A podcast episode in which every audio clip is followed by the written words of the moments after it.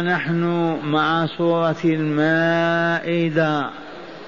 ما المائدة يا أبناء الإسلام؟ تعرفون الموائد.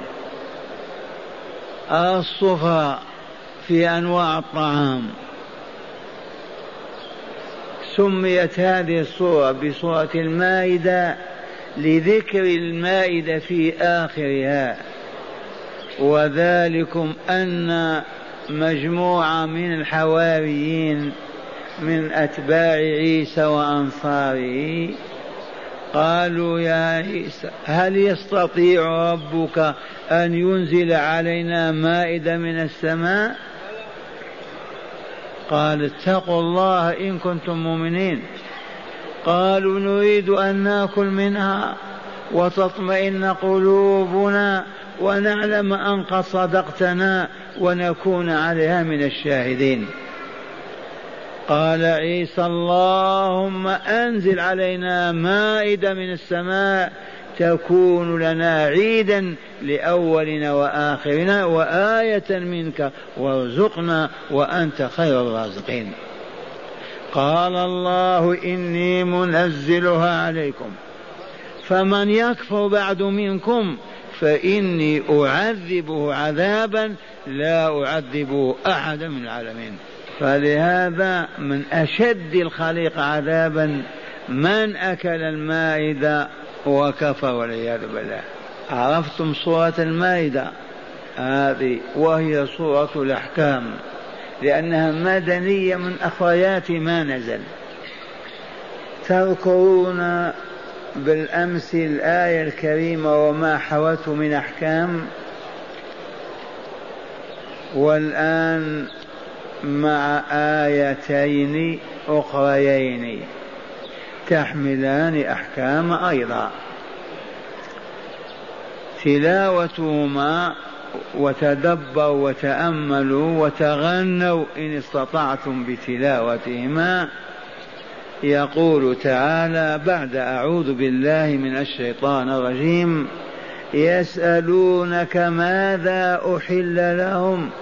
قل أحل لكم الطيبات وما علمتم من الجوارح مكلبين تعلمونهن مما علمكم الله. فكلوا مما أمسكن عليكم واذكروا اسم الله عليه. واتقوا الله إن الله سريع الحساب. اليوم أحل لكم الطيبات وطعام الذين أوتوا الكتاب حل لكم وطعامكم حل لهم والمحصنات من المؤمنات والمحصنات من الذين أوتوا الكتاب من قبلكم إذا آتيتموهن أجورهن محصنين غير مسافحين ولا متخذي أخدان ومن يكفر بالإيمان فقد حبط عمله وهو في الآخرة من الخاسرين. يسألونك ماذا أحل لهم؟ قل أحل لكم الطيبات وما علمتم من الجوارح مكلبين تعلمونهن مما علمكم الله. فكلوا مما أمسكن عليكم واذكروا اسم الله عليه واتقوا الله إن الله سريع الحساب. اليوم أحل لكم الطيبات وطعام الذين أوتوا الكتاب. حل لكم وطعامكم حل لهم. والمحصنات من المؤمنات والمحصنات من الذين أوتوا الكتاب من قبلكم إذا آتيتموهن أجورهن محصنين غير مسافحين ولا متخذ أخدان. ومن يكفر بالإيمان فقد حبط عمله وهو في الآخرة من الخاسرين. يسألونك ماذا أحل لهم؟ قل أحل لكم الطيبات وما علمتم من الجوارح مكلبين تعلمونهن مما علمكم الله فكلوا مما أمسكن عليكم واذكروا اسم الله عليه واتقوا الله إن الله سريع الحساب اليوم أحل لكم الطيبات وطعام الذين أوتوا الكتاب حل لكم وطعامكم حل لهم والمحصنات من المؤمنات والمحصنات من الذين أوتوا الكتاب من قبلكم إذا آتيتموهن أجورهن محصنين غير مسافحين ولا متخذي أخدان ومن يكفر بالإيمان فقد حبط عمله وهو في الآخرة من الخاسرين. معاشر المستمعين والمستمعات من المؤمنين والمؤمنات. يسألونك ماذا أحل لهم. من السائلين قاطعا أصحاب الحبيب صلى الله عليه وسلم. ذكر القرطبي في تفسيره وهو من أسلم التفاسير قال هذه الآية نزلت بسبب عدي بن حاتم وزيد الخيل. بسبب أولا عدي بن حاتم الطائي المعروف والثاني زيد الخيل الذي سماه الرسول بعد زيد الخير. كان زيد الخيل الرسول قال لا أنت زيد الخير ففاز بها. قال إذ قال يا رسول الله إنا قوم نصيد بالكلاب. إنا قوم نصيد بالكلاب. يصيدون ماذا؟ الغزلان والأرانب وما يؤكل. نصيد بالكلاب والبزاة. الباز معروف من الطير البزات جمع باز. وإن الكلاب تأخذ البقر و والحمر والظباء يعني ببقر الوحش وحمر الوحش. والظباء يعني الغزلان. فمنه ما تترك فمنه ما نترك ذكاته فمنه ما ندرك ذكاته قبل أن يموت نذبحه ونذكيه. ومنه ما لا ومنه ما تقتله أي الكلاب والبازات فلا ندرك ذكاته. وقد حرم الله الميت فماذا يحل لنا إذن؟ فنزلت هذه الآية أو قرأها رسول الله عليه كله واحد. هيا بنا لهذه الآية. قال يسألونك عرفنا السائلين زيد الخير وحاتم. عدي بن حاتم الطائي. ماذا أحل لهم؟ الجواب قل يا رسولنا أحل لكم الطيبات. كل طيب فهو حلال. كل خبيث منت عف فهو حرام. تذكرون اللطيفة التي فتح الله بها علينا بالأمس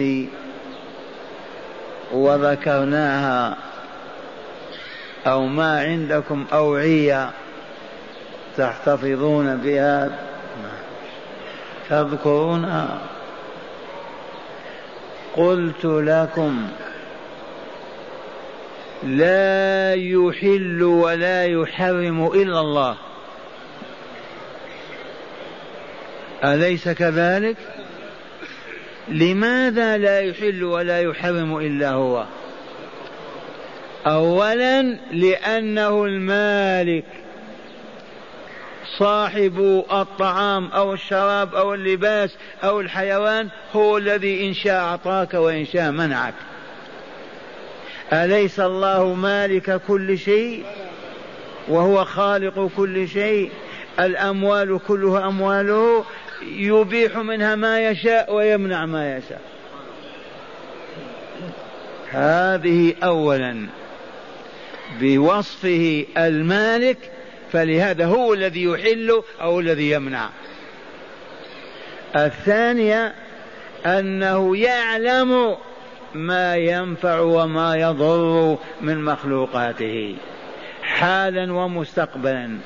ونحن ما نعرف فلعلمه وخبرته إذ هو خالق هذه الأشياء يعلم ما يضر منها وما ينفع فمن هنا إذا أحل فكل وإذا حرم ومنع فامتنع.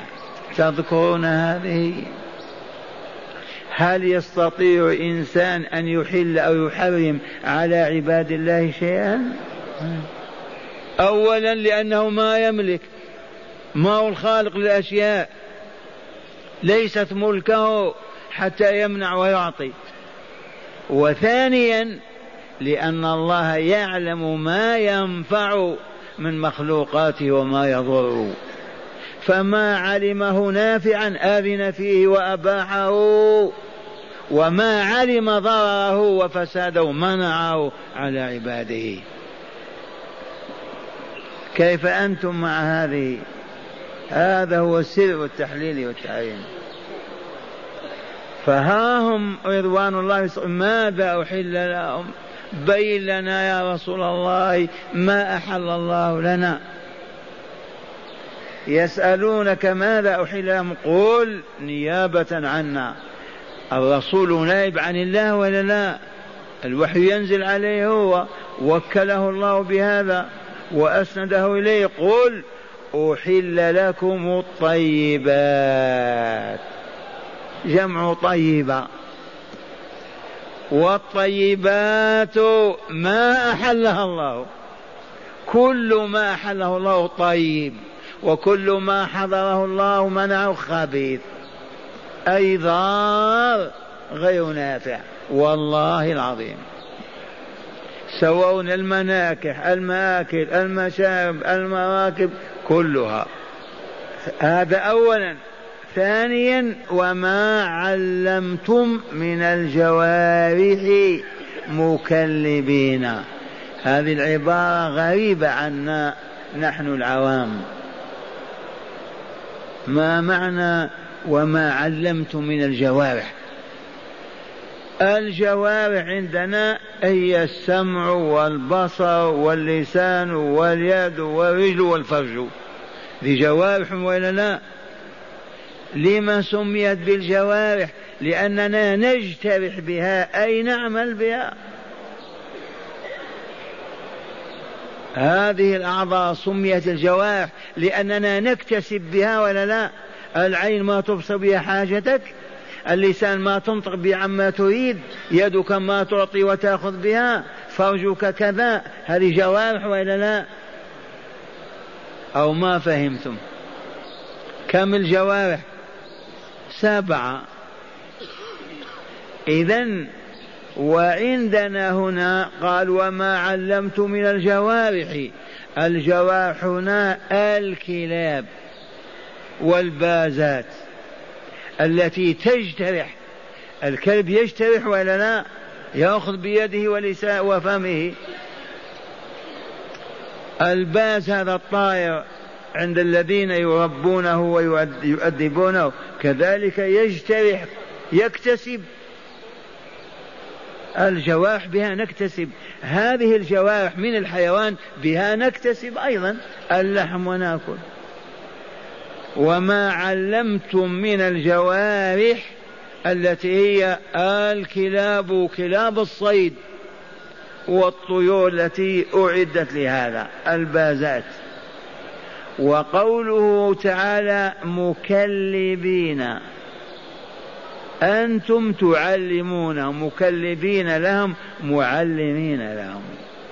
الجارح الكلب يجترح لكن لا بد أن تعلمه ولا لا؟ وحقيقة الكلب الذي تعلم هو أنك إذا أشليته مشى وإذا دعوته رجع. أما إذا كان دفعته عصاك لو راسه ما مشى.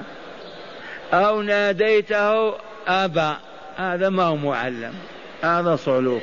لا يصح أن تصيد به. لا بد وأن تعلمه يصبح إذا أشليته ينطلق. إذا دعوته يرجع. إذا قلت قف هذا يحتاج إلى ميران ورياضة. وإلا لا وذا واقع. إذا ما علمتم أنتم فهو معلوم عند الناس هذا. مكلبين. أي أنتم مكلبين لأولئك لتلك الكلاب. حتى تصبح تصيد لكم. تعلمونهن مما علمكم الله. الله الذي علمنا ولا لا؟ علمنا أن نأتي ونذهب ونرجع ونأخذ ونمسك ونطلق. فكذلك هذا الصيد من الطيور أو هذا الكلب من كلاب الصيد نحن الذين نعلمه مما علمنا الله عز وجل. ومرة أخرى الكلب الذي علمته أنت المكلب له. فإذا عرفت أنه أصبح عالما إذا قلت له يمشي ائت بكذا ينطلق. وإذا قلت ارجع يرجع. هذا معلم كلبته فأصبح مكلب وأنت المكلب. لعل السر في هذا أزال معنى الكلب منه. أصبح كإنسان. انتبهتم؟ إذا أشفيته انطلق دعوته جاء. أخذ الغزال وإلى الأرنب ويأتي بها يرفعها عاجز عنها يمسكها ويبقى هناك ما يأكل منها أبدا. فإن كان يأكل منها ما هو معلم. هذا ما صاد لك أنت صاد لنفسه. وفي هذه الحال إذا وجدته يأكل منها وأدركتها حية كما تقدم في المنخنقة والموقودة ولا لا أدركت فيها الروح فذكيتها جاز لك ذلك. إذا اسمع عبد الله. وما علمكم من الجوارح مكلبين تعلمونهن مما علمكم الله. اذا فكلوا مما امسكنا عليكم اي لكم على بمعنى اللام. فكلوا أيها المؤمنون مما امسكنا أي أمسكت الكلاب أو الطير عليكم. أي لأجلكم.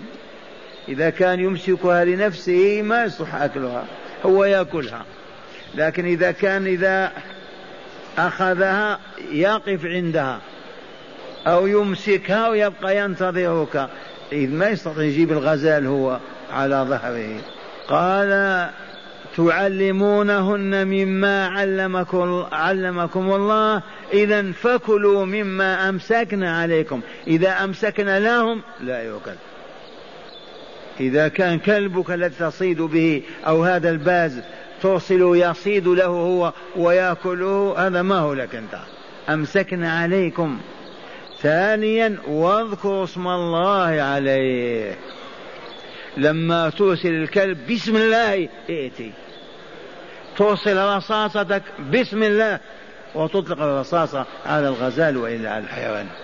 لا بد من ذكر اسم الله. واذكروا اسم الله عليه. ومن هنا كما قلت يا أبا عبد الله إذا وجدتها ميتة ثبات إذا سميت الله عليها نعم هي لك. على شرط أن لا يكون أكلها هو وقتلها. هي من نفسها ماتت والطير وإلا الكلب ما أكلها. إذا وجدتها ميتة إذا وجدت فيها الحياة ذكيتها.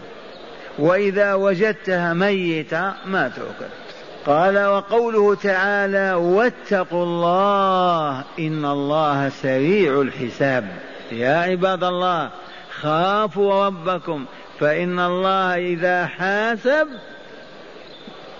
ما يحتاج إلى مئة سنة ولا عشر ليالي. اتقوه لا تخرجوا عن طاعته. أحل لكم ما أحل فأحلوه. حرم ما حرم فحرموه. ولا تتجاوزوا ذلك ولا تعتدوه. وإلا فأنتم عرضة لنقمة الله عز وجل. وهذا يدل دلالة قطعية على أن الذي يفسق عن أمر الله يخرج عن طاعته ويستحل ما حرم الله أو يحرم ما أحل الله معناه أنه أعلن الحرب على الله فليتهيأ. واتقوا الله إن الله سريع الحساب. هذه الآية الأولى خلاصتها أنه يحل لنا ما أحل الله لنا من الطيبات مطلقا. فواكه خضار لحوم كل ما أحل الله. وما علمنا من الجوارح مكلبين نحن الذين نصيد ونملك كلاب الصيد. هذه الكلاب هي التي يجوز للمؤمن أن يشتريها وأن يستعملها. أما الكلاب التي لا تصيد ولا تحرس غنما ولا زرعا فلا يحل لمؤمن أبدا أن يدخلها بيته. لا يحل لمؤمن يؤمن بالله واليوم الآخر أن يربط كلبا في بيته. فإن الملائكة لا تدخل بيتا فيه كلب ولا صورة. جبريل على باب الرسول تردد أبى أن يدخل. قال إن بالبيت جارا لا أدخل فأخرجه الرسول وأبعده. وبلغنا أننا لما وسع الله أرزاقنا أصبحنا نقلد اليهود والنصارى في الكلاب. فلان كلب في سيارته من ورائه ويربطه في بيته. تباتم والله. لعرضة لنقمة الله عز وجل. واتقوا الله. إن الله سريع الحساب. كلب الماشية يرعاها يمشي معها. كلب المزرعة في المزرعة. كلب الصيد تخرج به حيث تصيد. أما في منزلك كلب وهكذا. جرينا وراء النصارى واليهود. ولكن نعم. قال وإذا كنت أخاف اللصوص عن بيتي أربط خارج البيت إذا نبح في اللصوص أخرج له. يسألونك ماذا أحل لهم؟ أجبهم يا رسولنا. قل أحل لكم الطيبات. مطلقا. وما علمتم من الجوارح مكلبين أي معلمين. لا بد وأن تعلم هذا الكلب الذي تصيد به حتى يصبح إذا دفعته دفع وإذا دعوته رجع. ويصيد الغزال أو الأرنب ويقف عليه ولا يأكله بلسان بفمه.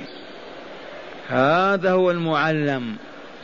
هذا الذي إذا صدت به حل لك ذلك ويجوز لك اقتناؤه واشتراؤه وبيعه.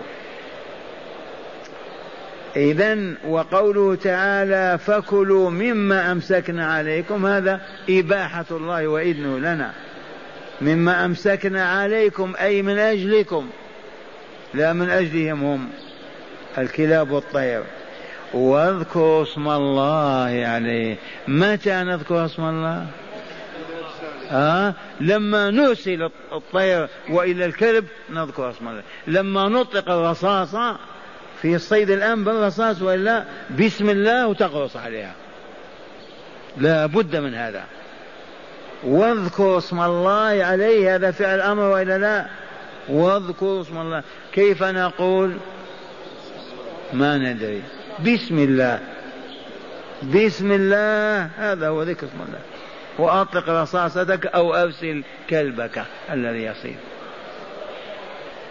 ثم قال تعالى في الآية الثانية اليوم اليوم وهو آخر الأيام يوم الحج عرفة. اليوم أكملت لكم دينكم وإلا لا؟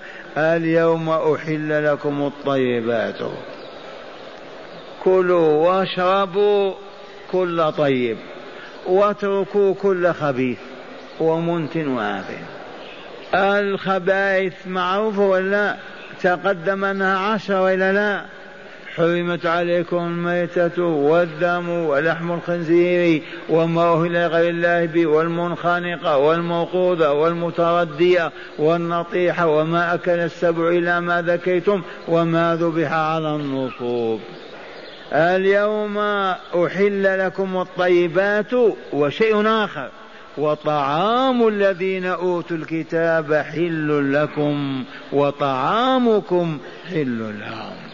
من هم الذين أوتوا الكتاب؟ اليهود والنصارى. كتاب اليهود التوراة التي أنزلها الله على موسى. وكتاب النصارى الإنجيل الذي أنزله الله تعالى على عيسى. أصحاب كتاب وإلا لا؟ هل هذين الكتابين صافيين نقيين طاهرين ما فيهما كذب ولا زيادة ولا ولا؟ والله محشوون بالباطل.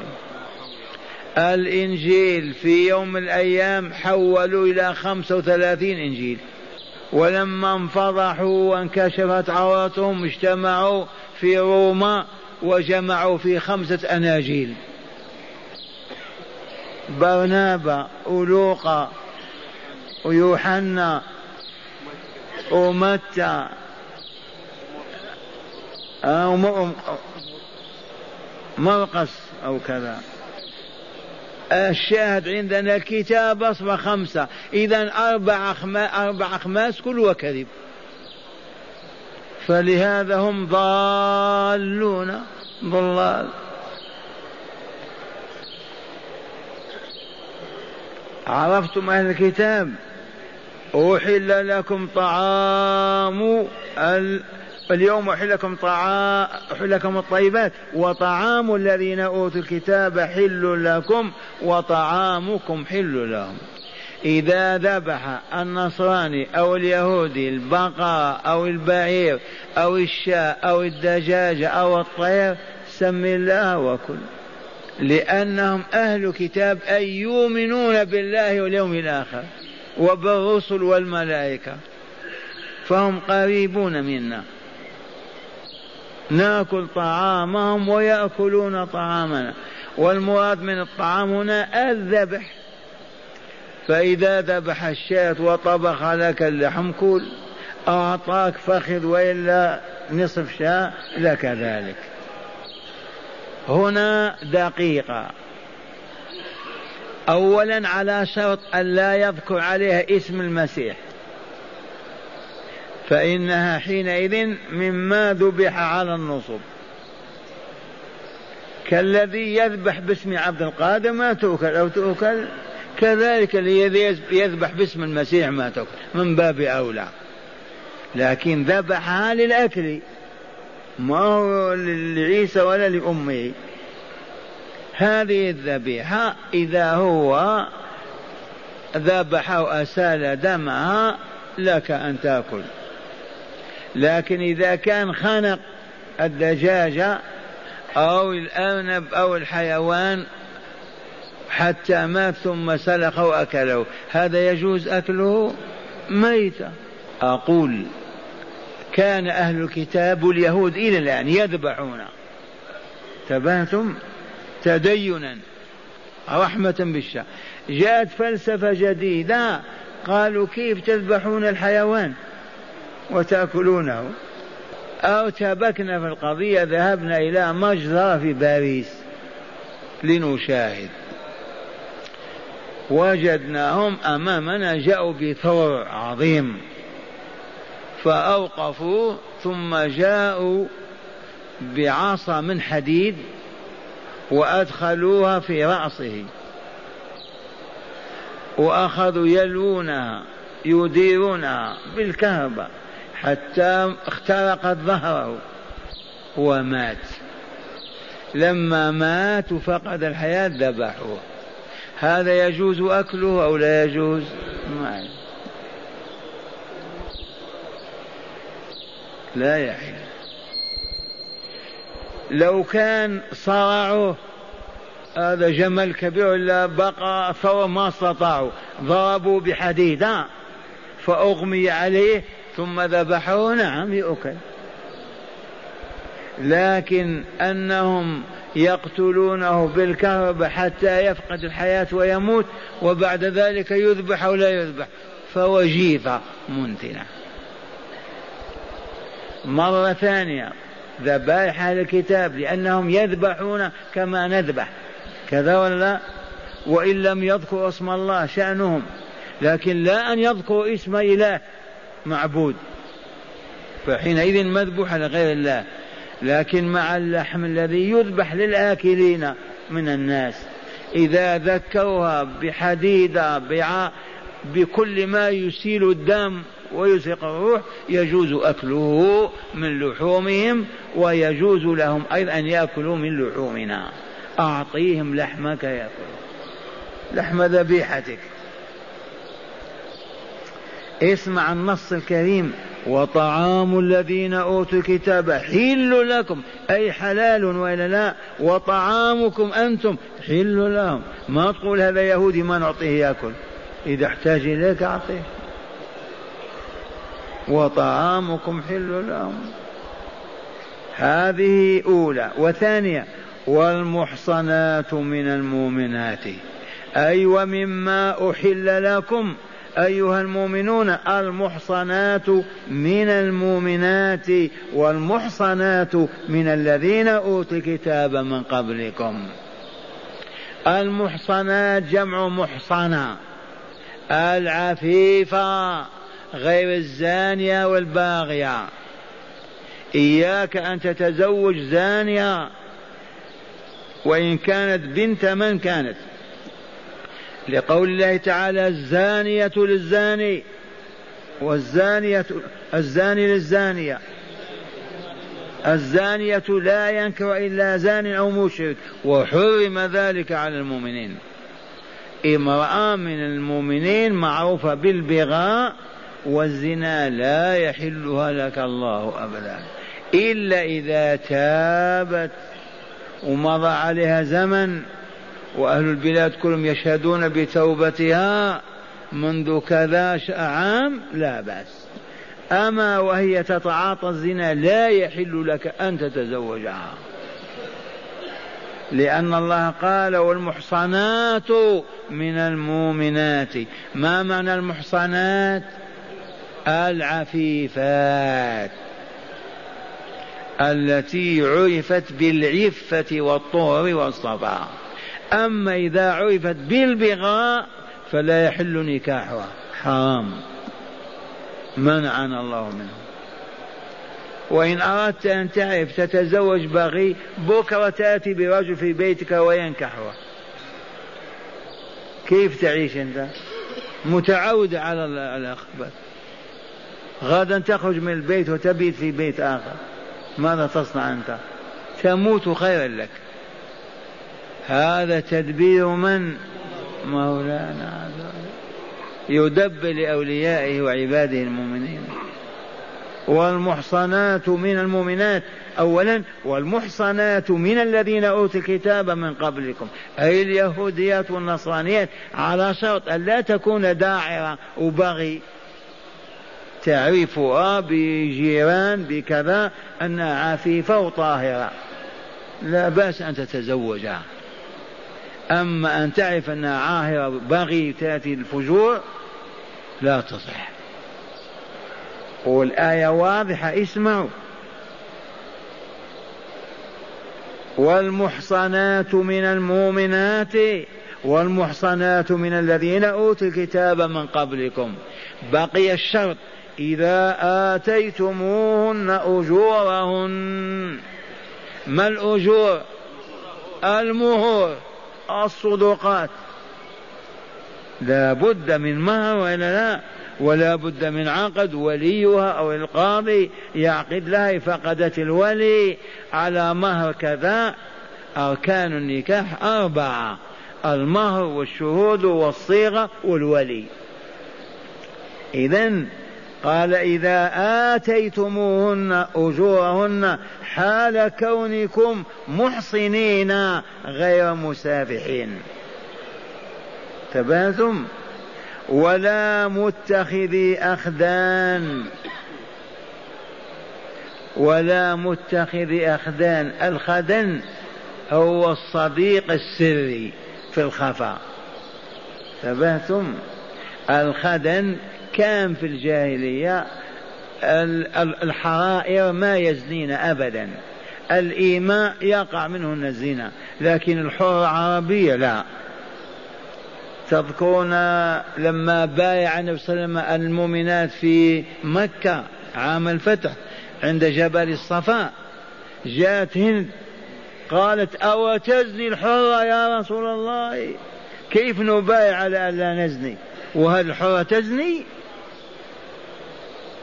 هذه لأن البيعة كانت على خمس مواد. يا أيها النبي إذا جاءك المؤمنات يبايعنك على ماذا؟ على أن لا يشركن بالله شيئا ولا يسرقن ولا يزنين. قالت أو تزني الحرة انتبهتم لكن تتخذ صديق في الخفاء. يمكن. يتخذ شاب رجل في السرية ولا يسمع أحد. هذا معنى متخذات أخدان. كذلك ولا متخذ أخدان. وأخيرا ومن يكفر بالإيمان أي بالإسلام وشرائعه ومبادئ وقوانينه فقد حبط عمله خمسين سنة وحج خمسين حجة من ارتد عن الإسلام الإيمان هنا بمعنى الإسلام. إذ الإسلام والإيمان شيء واحد. المسلم هو المؤمن مؤمن هو مسلم. ومن يكفر بالإيمان فقد حبط عمله أي بطل الماضي كله إن تاب ورجع يحسب له العمل الجديد. أما الماضي محي انتهى.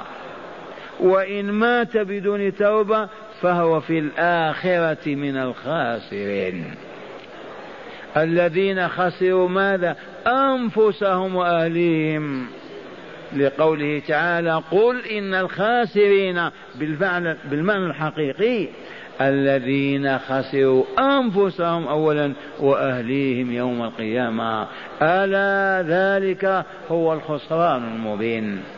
اسمعوا هداية الآيات لعلكم تستنبطون من الآية ما قد تعلمون. قال من هداية الآيتين أولا مشروعية سؤال من لا يعلم عما ينبغي له أن يعلمه. بل وجوب سؤالك من يعلم عما لا تعلم. أو ما فهمتم. أما قال تعالى فاسألوا أهل الذكر إن كنتم لا تعلمون فكل من لا يعلم يجب أن يسأل حتى يتعلم. ولو يرحل ويسافر. من أين أخذنا؟ يسألون كما سألوا وإلا لا وبين لهم. نعم مشروعية سؤال من لا يعلم حتى يعلم. فإذا علم بالمنع امتنع وإذا علم بالجواز فعل. هذا أخذناه منين؟ يسألونك ماذا أحل لهم. ثانيا حلية الصيد أي ما يصاد من آه، ظباء غزام بقر الوحش قل ما شئت من الحيوانات. إذا توفرت شروطه ما يصاد حلال إذا توفرت له شروط وإلا لا؟ ما هذه الشروط؟ درسنا اسم. هي أن يكون الجارح معلما. الكلب الذي يجترح ويصيد لك معلم. من علمه؟ أنت. كيف علمته؟ الله علمك. حقيقة علمه أنك إذا قلت امشي. يمشي. إذا سمى الله تعالى عليه ومات ولم يأكله الذيب الكلب يجوز أكله. قال أن يكون الجارح معلما وأن يذكر اسم الله تعالى عليه عند إرسال كذا ولا لا؟ وأن لا يأكل منه الجارح الذي أرسلته فإن أكل منه صاده لنفسه ما صاده لك. ويجوز أكل ما صيد برصاص أو بآلة حادة بشرط ذكر اسم الله تعالى عند رمه. ولو وجد ميتا فلم يذكر. أنت أطلقت رصاصتك على ظبي وجدته ميت بضربتك. وقد سميت الله كل العصا ما ندري. لابد يكون مما هو حاد. ثبات ما هو عصا أو حجر. قال ثالثا إباحة طعام وذبائح أهل الكتاب. إباحة ذبائح وطعام أهل الكتاب. تتغدى أو تتعشى عند يهودي لا بأس أو عند مسيحي. تغدي أو تعشي لا بأس. تأكل من ذبيحته أو يأكل من ذبيحتك. آذن مولاكم لكم. رابعا إباحة نكاح الكتابيات. ما المراد من الكتابيات؟ نساء اليهود والنصارى. بشرط أو بدون شرط؟ بشرط أن تكون حرة وعفيفة. فإن كانت مملوكة آمة لا يجوز التزوج بها. انتبهتم؟ حتى الأمة من غير أهل الكتاب حتى من العرب إذا كانت غير مؤمنة لا يجوز التزوج بها. وخاصة الكتابية لا بد وأن تكون حرة ما هي مملوكة لشخص وأن تكون عفيفة غير زانية بشرطين الحر الحرية والعفة. لا لا ما في أفضلية المسلمة أفضل. هذا إذن بالجواز فقط وأنت حر. اختار من يصلح لك وإلا لا. هذا إذن إذا شئت أن تتزوج يهودية أو نصرانية بشرطين. أولا أن تكون حرة ما هي آمة ما هي مملوكة. والثاني أن تكون عفيفة غير زانية. وأنت حر. إذا كنت عالما حسبك علمك. كنت جاهلا تعال عندنا واسأل. لا تضيع وقتنا. قال رابعا إباحة نكاح الكتابيات بشرط أن تكون حرة عفيفة وأن يعقد عليها العقد الشرعي وهو القائم على الولي والشهود والمهر والصيغة. بأن يقول الخاطب لمن يخطبه من من ولي أو وكيل زوجني فلانة فيقول له قد زوجتكها عرفنا يجوز أن تتزوج يهودية أو نصرانية ولا بشروط أو بدون شروط. أولا أن تكون حرة ما هي أمة. ثانيا أن تكون عفيفة ما هي زانية. ثالثا بشروط النكاح الولي والشهود والمهر والصيغة ما يتخذ صديق له يقول هذه أذن الله لي فيها. قال خامسا حرمة نكاح المتعة ونكاح الخلة والصحبة الخاصة. حرمة نكاح المتعة لأن نكاح المتعة هي يتزوج أسبوع أسبوعين ويطلقها. هذا يجوز هذا؟ هذا الروافض يعيشون عليه يعدونه من العبادات. تبهتم ولا سبب إلا من أجل أن ينفصلوا عن المسلمين. أسألكم بالله فيكم كلكم فحول ولا لا؟ لو تعلم أن فلان خطب بنتك وزوجته وهو ناوي أن يفتض بكارتها بعد أسبوع ويطلقها. تفرح يعني؟ تسعد؟ تستطيع تنظر إلى وجهه؟ كيف يجوز هذا؟ لأن نكاح المتعة نكاح لا أجل. سبع أيام ثمانية عشر شهر كذا ويسيبها. نكاح المتعة حلال وإلا حرام. أعلن رسول حرمته وكان مباحا قبل أن يعلن رسول حرمته. ونكاح الخل والخل صداقة يعني. يتخذ الرجل صديقة في الخفاء هذا أو متخذات أخدان حرام ولا لا؟ سادسا العاصي. المعاصي قد تقود إلى الكفر. كثرة المعاصي قد تقود صاحبه إلى أن يكفر. منين أخذنا هذا؟ ختم الآية ومن يكفر بالإيمان فقد حبط عمله. كيف يكفر بالإيمان؟ الجري وراء المعاصي والذنوب والذنوب حتى يفسد قلبه تنطمس بصيرته ويرتد. قال المعاصي قد تقود إلى الكفر سابعا. المرتد عن الإسلام يحبط عمله فلو راجع الإسلام من جديد لا يثاب على ما فعله قبل الردة وإن مات قبل العودة إلى الإسلام خسر نفسه وأهله يوم القيامة وذلك هو الخسران المبين. معاشر المستمعين والمستمعات تعلمتم علما؟ والله لواجب كل مؤمن ومؤمن أن يعرف هذا.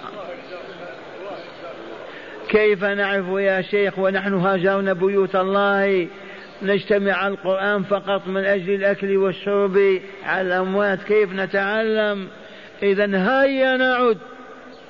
يا أهل القرية من هذا اليوم لا يتخلف رجل ولا مرأة عن صلاة المغرب والعشاء.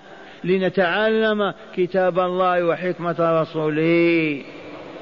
وكل ليلة وطول الحياة يبقى جاهل وجاهلا ما نحتاج إلى قلم ولا قرطاس أبدا. نتعلم كتاب الله هكذا كما تعلم أصحاب رسول الله.